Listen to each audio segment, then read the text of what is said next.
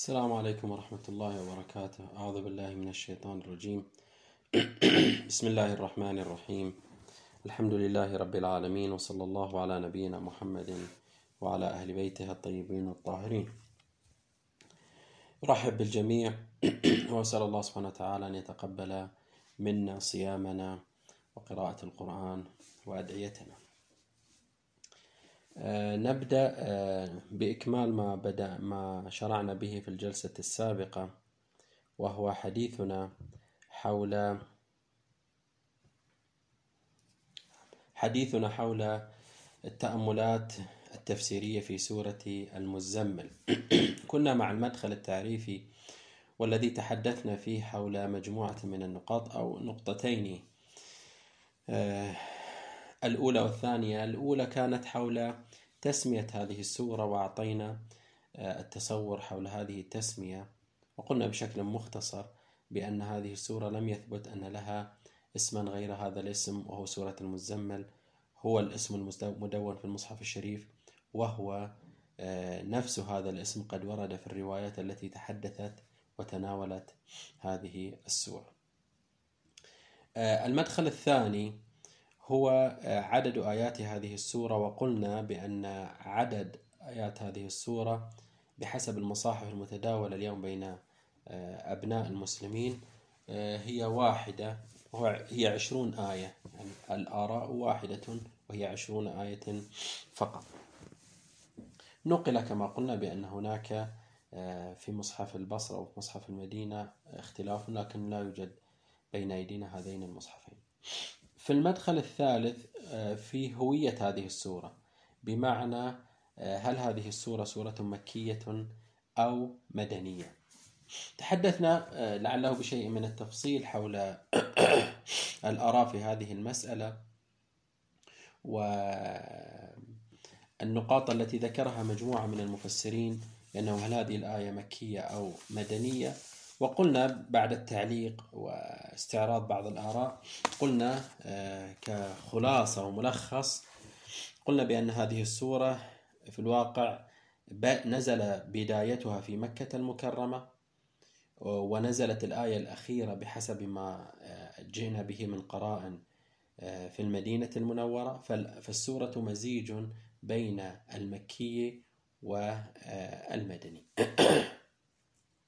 صحيح أن الآيات المكية هي أكثر عددا ولكن الآية المدنية الأخيرة آه، هي آية طويلة نسبيا وتنسخ بعض الأحكام أو الحكم الصادر في الآية المكية. هذا كله فيما مضى. اليوم نتحدث عن ترتيب السورة. ترتيب السورة بحسب نزولها وترتيب السورة في المصحف الشريف نقصد بترتيب النزول. تعلمون بأن القرآن الكريم نزل منجما طيلة 23 عاما. فهو آه، كل في كل مناسبة أو في كل فترة تنزل أو ينزل الله سبحانه وتعالى سورة أو آية على آه، المسلمين من خلال من خلال النبي محمد صلى الله عليه وآله. وتنزيل القرآن وتنزيل السور القرآنية لم يكن بحسب الترتيب المصحفي اليوم.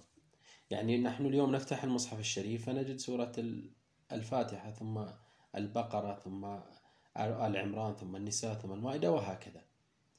هذا الترتيب هو لم يكن القرآن ولم ينزل القرآن بهذا الترتيب وإنما هذا الترتيب ترتيب ما بعد النزول. بعد نزول القرآن الكريم تم ترتيبه وفق هذا الترتيب على خلاف بين العلماء علماء القرآن الكريم في حقيقة هذا الترتيب. هل هو ترتيب نبوي أو هو آه، ترتيب من قبل الصحابة؟ هناك بحث تفصيلي في هذا آه، الموضوع فعلا لا نتعرض له.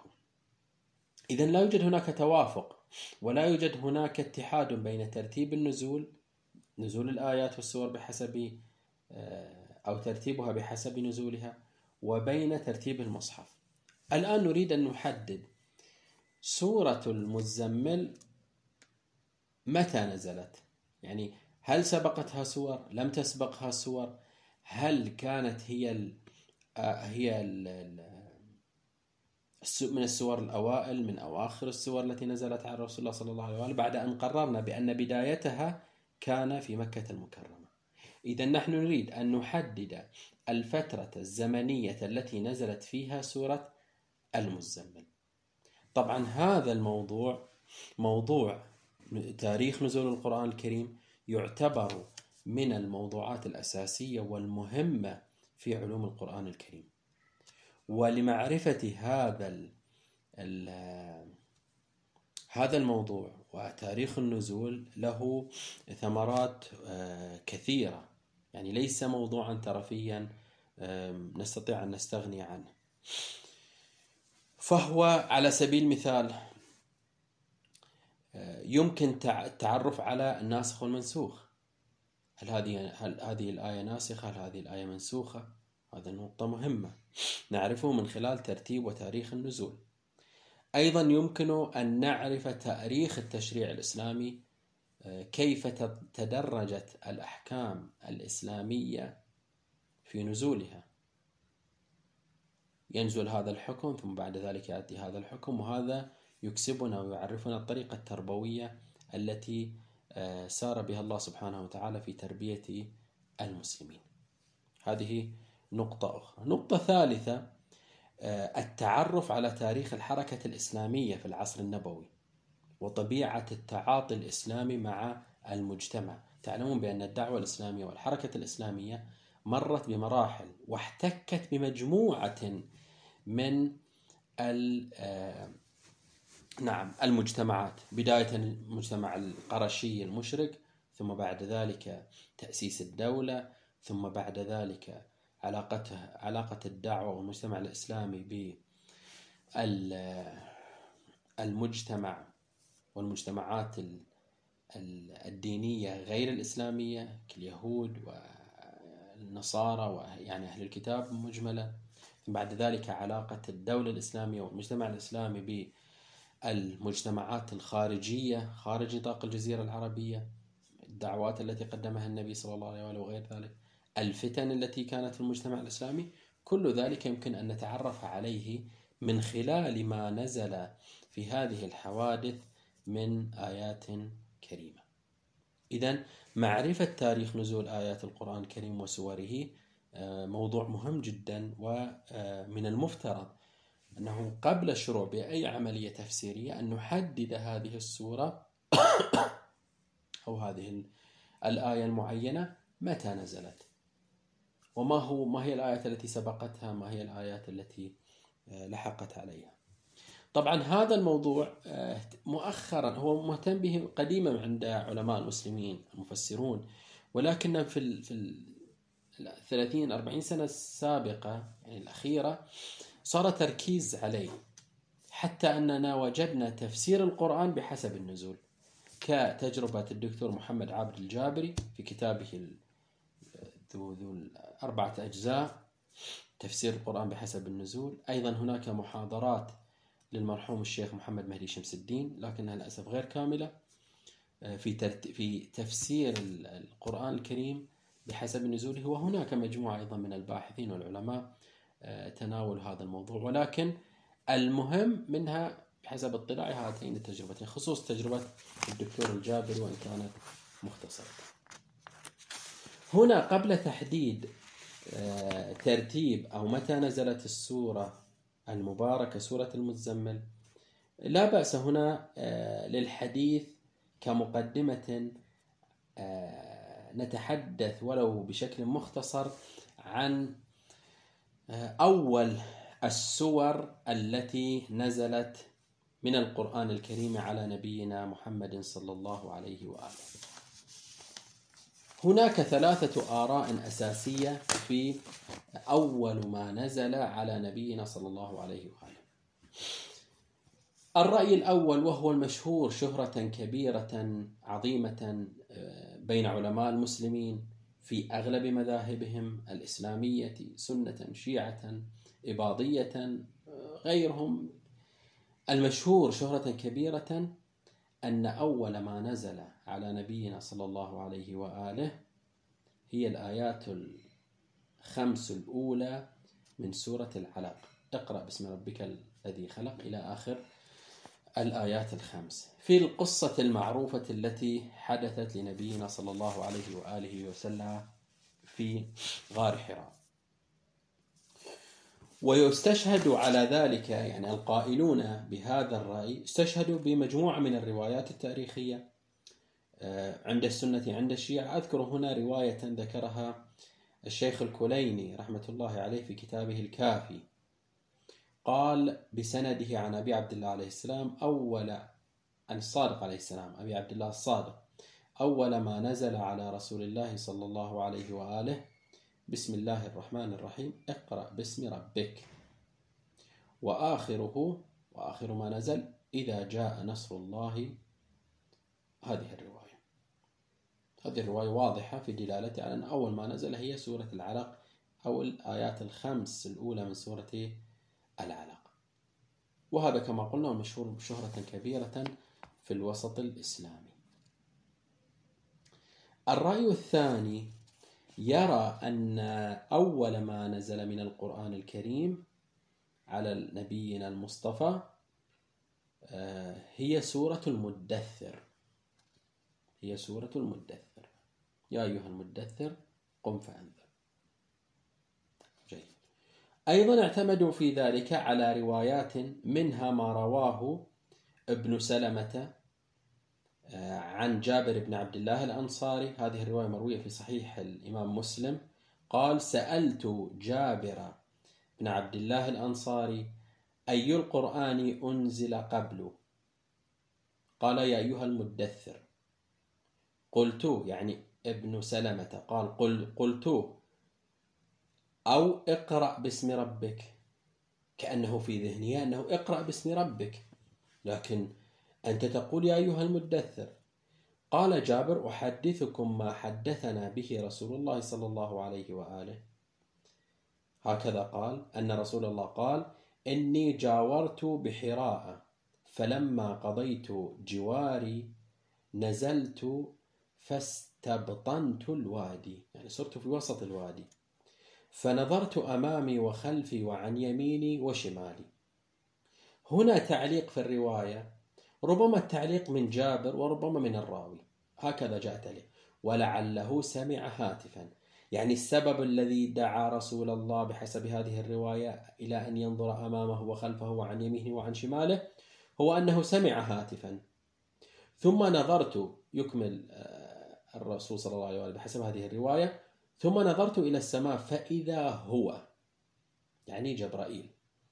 فأخذتني رجفة فأتيت خديجة فأمرتهم فدثروني. فأنزل الله يا أيها المدثر قم فأنذر.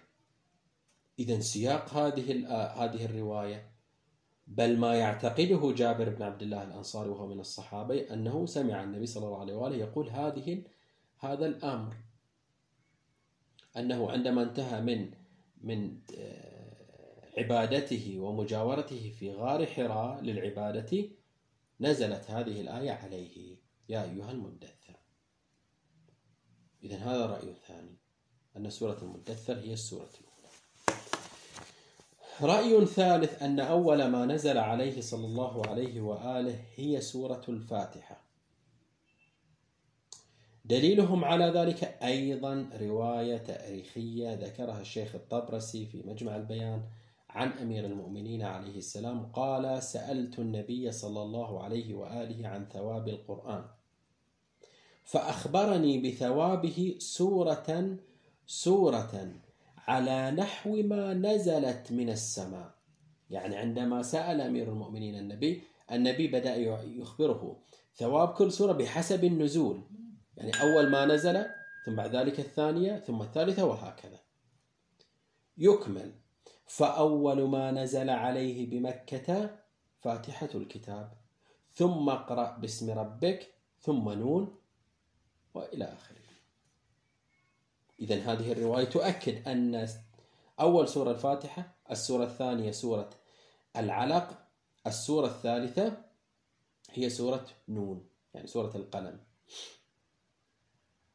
إذا هذه ثلاثة آراء ذكرت آه، في مصادر المسلمين في تحديد أول في تحديد أول ما نزل على نبينا صلى الله عليه وآله. لأن هذه الرواية هذه الآراء كلها روايات تعتمد على روايات. الرواية الأولى تقول اقرأ باسم ربك الذي خلق. الرواية الثانية تقول سورة المدثر. الرواية الثالثة تقول فاتحة الكتاب. كيف يمكن الجمع بين هذه الآراء؟ هناك بعض العلماء حاول الجمع بين هذه الآراء بمحاولة التوفيق بين هذه النقولات. لا بأس أذكر هذه المحاولة ثم أعلق عليها تعليق بسيط. هذه المحاولة والشيخ رحمة الله عليه الشيخ محمد هادي معرفة في كتابه التمهيد في علوم القرآن الجزء الأول قال هكذا قال الرواية التي قالت أول ما نزل على الرسول سورة الف... سورة ال... نعم العلق اقرأ باسم ربك هذه تنزل تتحدث أول وحي نزل على نبينا صلى الله عليه وآله هي سورة العلق. أما الآية التي تقول أول ما نزل هي سورة الفاتحة يعني أول ما نزل كاملا سورة كاملة هي سورة الفاتحة. أما الروايات التي تقول أن أول ما نزل سورة المدثر فهي أول ما نزل بعد انقطاع الوحي هي سورة المدثر. لأن الشيخ معرفة رحمه الله حاول أن يجمع بين هذه الروايات بهذا الجمع وهو أنه من حيثية مختلفة كما يقال أو من زوايا مختلفة أو باعتبار معين تكون هذه الأولى أو تلك الأولى أو الثالثة هي الأولى. هذه محاولة ذكرها الشيخ رحمه الله آه، في الجمع بين هذه الآراء آه، ولكن في الواقع هذا هذا الجمع لا يخلو أو هذه المحاولة لا تخلو من تكلف في الواقع. أولا لابد هذه الرواية أن تحقق. تحقق بمعنى لابد أن نثبت صدورها عن النبي صلى الله عليه وسلم يعني القضية التاريخية التي تقول أنه سمع هاتفا وجاءته رجفة ثم نزل إلى خديجة وقال زملوني أو دثروني أو كذا. هذه يحتاج لها إلى بحث. هل يمكن تصور ذلك؟ لأن بعض العلماء قد شكك في صدور هذه الرواية وقال هذه الرواية لا يمكن أن تصدر. أن النبي يخاف من الوحي أو أن النبي تأتيه رجفة من الوحي قد يقول هذا غير معقول. هذا غير معقول. يعني لا يمكن أن يتصور في آه، النبي صلى الله عليه وآله أنه لا يعني آه، تأتيه الرجفة ولا يعرف ما هو ما هو حقيقة هذا الذي جاءه. خصوصا إذا أكملنا الرواية وقلنا بأنها مثلا ذهبوا إلى ورقة بن نوفل وسألوه وقال أن هذا هذا الناموس الذي جاء إلى موسى وعيسى وغير ذلك. ربما يشكك في صدور الرواية هذه. فتسقط عن الاعتبار. إضافة إلى ذلك أن سياق هذه الروايات بعضها لا أقل سياقا لا تتحدث أنها نز أول من نزل في حيثية معينة أو بزاوية معينة. تتحدث أنها أول ما نزل مطلقا. مثل مثل ما نزل في سورة الفاتحة. لو نعود نقرأ هكذا قال. نعم. فأول ما نزل عليه بمكة فاتحة الكتاب ثم اقرأ باسم ربك ثم نون. يعني تحدث أنه أول ما نزل مطلقا. حتى رواية جابر ما يستفي يعني سياقها سياق أنه أول ما نزل. يا أيها المدثر. عندما انتهى من مجاورته في في غار حراء نزل عليه الوحي. ولذلك يقول سمعت هاتفا. سمعت يعني كأنه استغرب من هذا الصوت الذي يسمع. في تقديري أنه لا يمكن ال ال يعني بهذه السهولة أن نجمع بهذا الجمع. لابد بالدرجة الأولى أن نتحدث أو نحدد مدى اعتبار هذه الروايات. ثم بعد ذلك نبدأ بمحاولة الجمع جمع ما صدر من هذه الروايات والتدقيق في مضامينها وغير ذلك. وهذا يعني لا نستعرضه ولا نقوم به فعلا لأن بناؤنا على الاختصار في هذه الدروس. إذا القدر الذي يمكن أن يعني يطمئن له بأن سورة العلق لا الآيات الأولى من سورة العلق هي أول ما نزل على نبينا صلى الله عليه وآله. لا أقل من باب الشهر. هذه نقطة.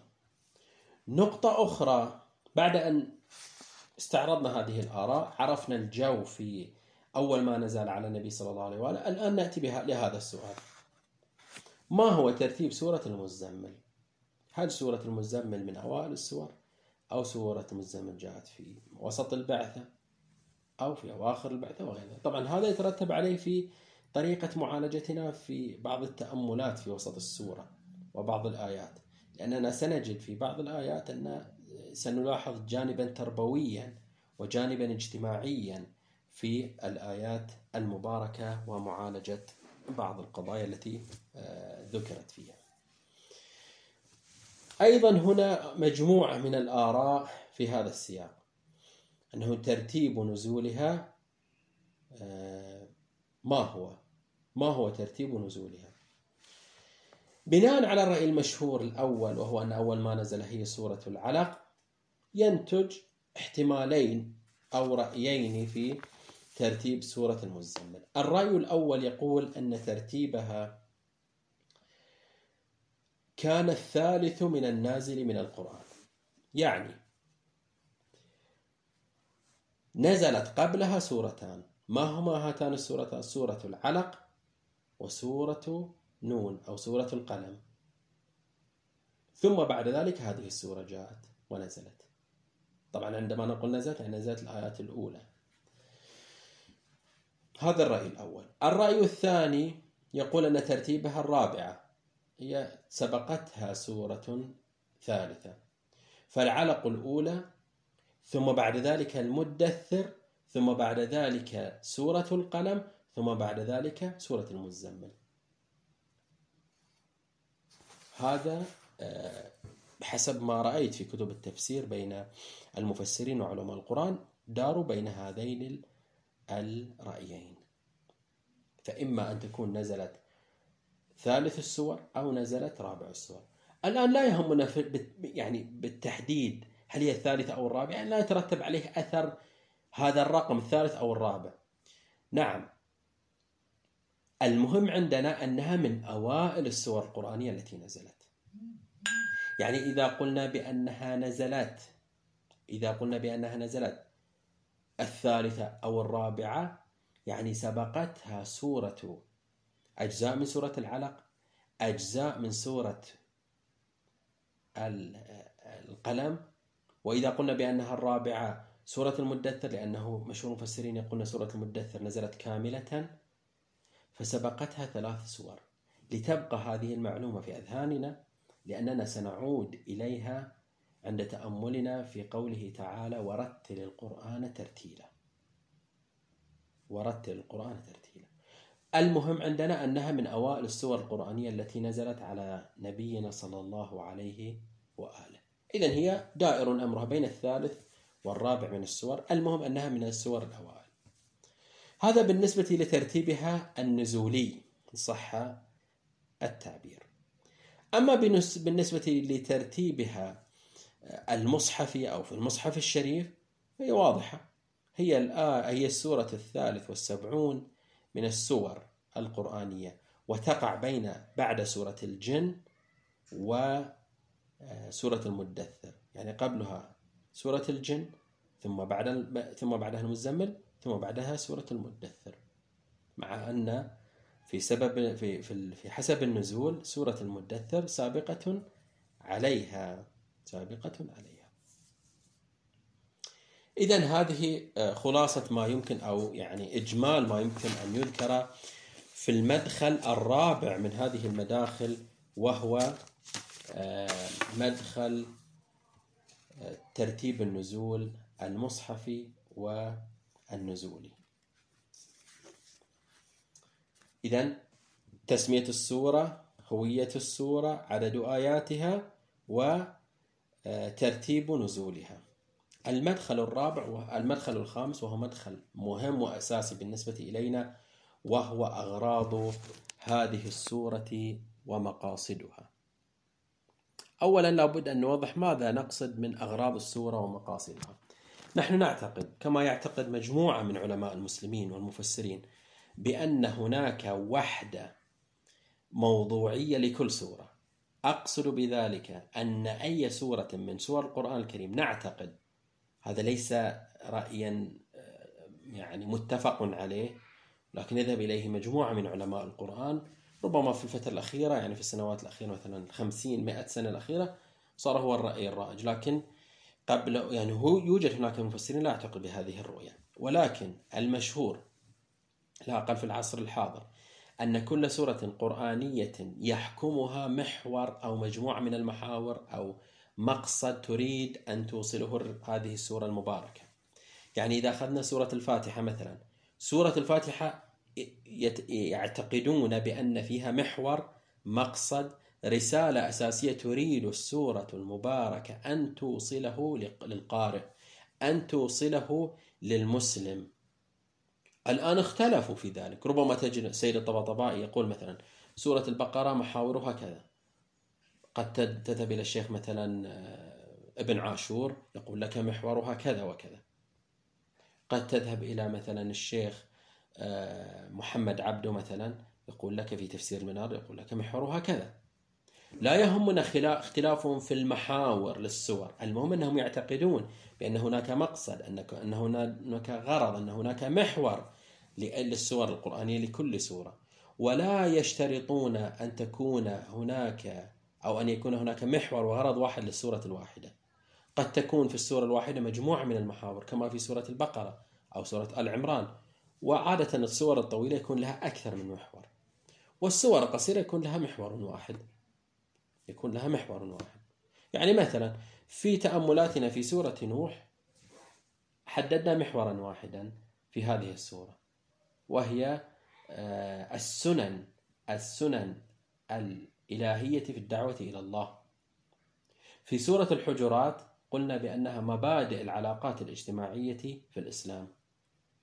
الآن نريد أن آه، نحاول يعني أن نحدد أغراض ومقاصد ومحاور أو محور هذه السورة المباركة سورة المزمل. إذا استطعنا أن نحدد هذا هذا المحور استطعنا أن نفهم الآيات حتى لو كانت الآية لا ترتبط مباشرة أو موضوع معين لا يرتبط مباشرة بالمحور الذي حددناه. ولكن إذا حددنا المحور نستطيع أن نوائم أن نجمع بين هذا الموضوع الذي عرض في هذه الصورة وبين المحور الأساسي. الآن كيف نحدد المحور وكيف ذلك؟ يكون ذلك من خلال التأمل الإجمالي في السورة ومحاولة تقطيع الصورة إلى مقاطع محاولة انتزاع معنى كل من هذا المقاطع. هذا الم... هذا الانتزاع الكلي هو الذي نعبر عنه بمقاصد وأغراض السورة القرآنية. هذه نقطة أساسية ومهمة وعليها سوف آه، يكون بحثنا طول آه، هذه التأملات المتواضعة. في سياق تحديث أغراض ومقاصد سورة المزمل لا بد من توضيح نقطة والتذكير بنقطة وهو أن لشخصية الإنسان جوانب متعددة.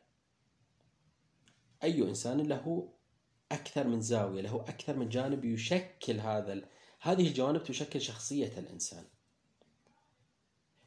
كالجانب الفكري كالجانب السلوكي كالجانب الاجتماعي كالجانب الروحي كالجانب الذهني غيرها من الأمور.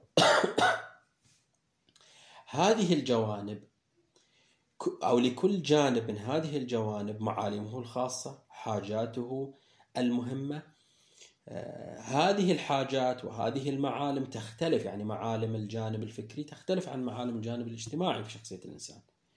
آه، نعم المعالم الجانب مثلا السلوكي مختلفة عن عن معالم الجانب الروحي. علاجات الجانب الروحي مختلفة عن علاجات الجانب الفكري وهكذا. ولكل جانب قواعده ونظامه الذي يحكمه آه، و من خلاله نستطيع أن نبني هذا الجانب نطوره ونحافظ عليه ونعالج الإشكاليات التي قد تطرأ علينا فيه. هذه نقطة مهمة. سورة المزمل بملاحظة مقاطعها نجد أنها تدور حول محور واحد محدد. وغرضها غرض واحد محدد. غرضها هو معالجة الجانب الروحي في شخصية الإنسان المسلم. تناولت الجانب الروحي جانب العبادي من شخصية الإنسان المسلم حاولت أن تعالج وتبني هذا الجانب.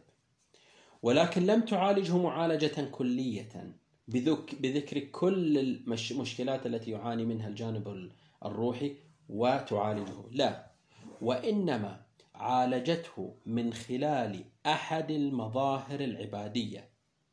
يعني ركزت السورة على مظهر عبادي واحد. هذا المظهر العبادي يعالج آه، جزءا من مشاكل الإنسان الروحية من جهة ويعطي مثلا على نظرة الإسلام للعبادة. وماذا تشكله هذه هذا الجانب أو هذه العبادة من مركزية في آه، حياة الإنسان. هذا المظهر الذي تعالج من خلاله الآية المبا أو السورة المباركة الجانب الروحي هو قيام الليل. محور السورة كله يعالج الجانب الروحي من خلال قيام الليل. وهناك أفق إن شاء الله سوف تفتحها لنا هذه السورة المباركة في موضوع قيام الليل. وما هي دور قيام الليل في بناء الجانب الروحي وبالتالي هذا الجانب الروحي ماذا يعالج لنا في حياتنا اليومية. إذا سورة المزمل بملاحظة مقاطعها نجد أنها تعالج هذا الجانب الروحي. تعالج آه، اهتمام ارتباط الإنسان بالله سبحانه وتعالى.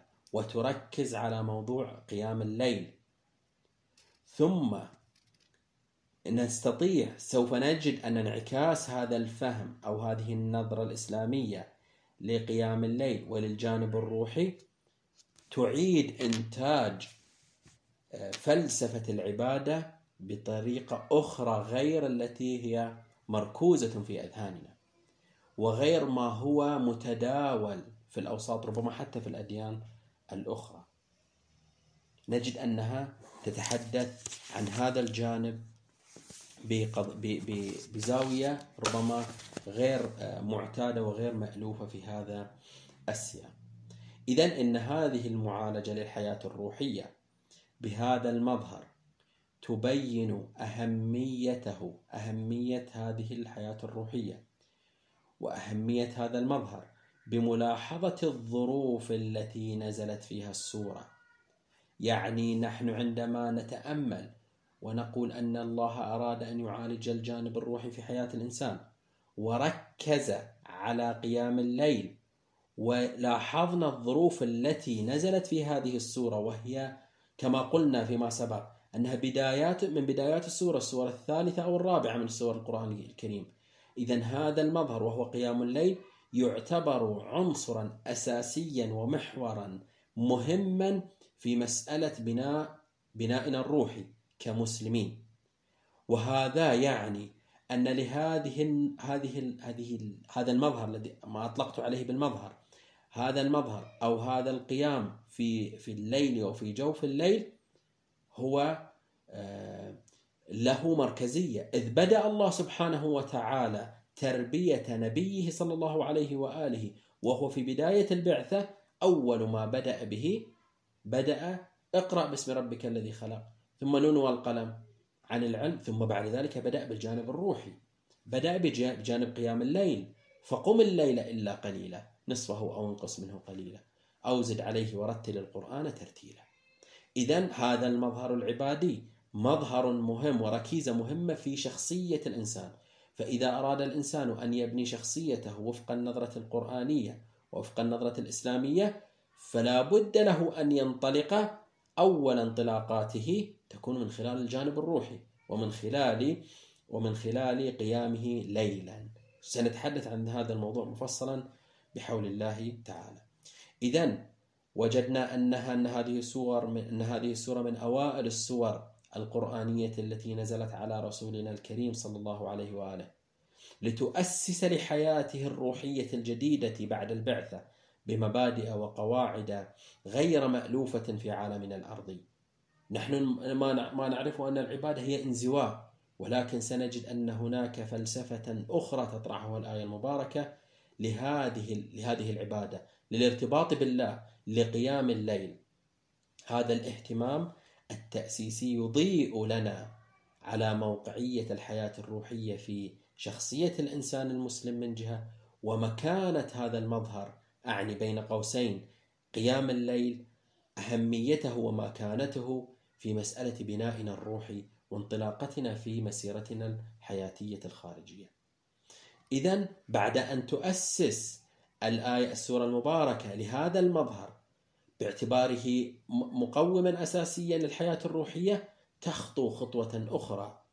في نفس هذا السياق إعطاء لإعطاء تصور خاص عن العبادات عموما في الإسلام بالإضاءة تضيء على زاوية خاصة بالإسلام للعبادات وربطها بالسلوك الإنساني بوصف الإنسان آه، مسؤولا في الخارج بعيدا عن العبادات. وبتعبير آخر أن هذه السورة تريد أن تضع المحور الأساسي الذي يقوم عليه البناء الروحي في الإسلام من جهة ثم تعطي بعدا فلسفيا جديدا غير مألوف لهذه الحياة الروحية لهذا الارتباط بالله سبحانه وتعالى للقيام بالليل قبل أن تفرض في بعض الآراء حتى قبل أن تفرض الصلوات الخمس فرض على النبي صلى الله عليه وآله أن يقوم الليل. هذه الأهمية الكبرى لقيام الليل. لا نستطيع أن نفهمها بنظرتنا الأرضية بنظرتنا الإنسانية. لا بد أن يفتح لنا الله سبحانه وتعالى أفقا من خلال كتابه الكريم موقعية هذه هذا القيام. حتى نستطيع أن ننطلق في حياة روحية سليمة وفق النظرة الإسلامية. إذا يمكن أن نقول بكلمة جامعة عن أن أن الغرض والمقصد والخط الجامع لآيات السورة المباركة هو التالي: البناء الروحي في الإسلام في مظاهره وفلسفته.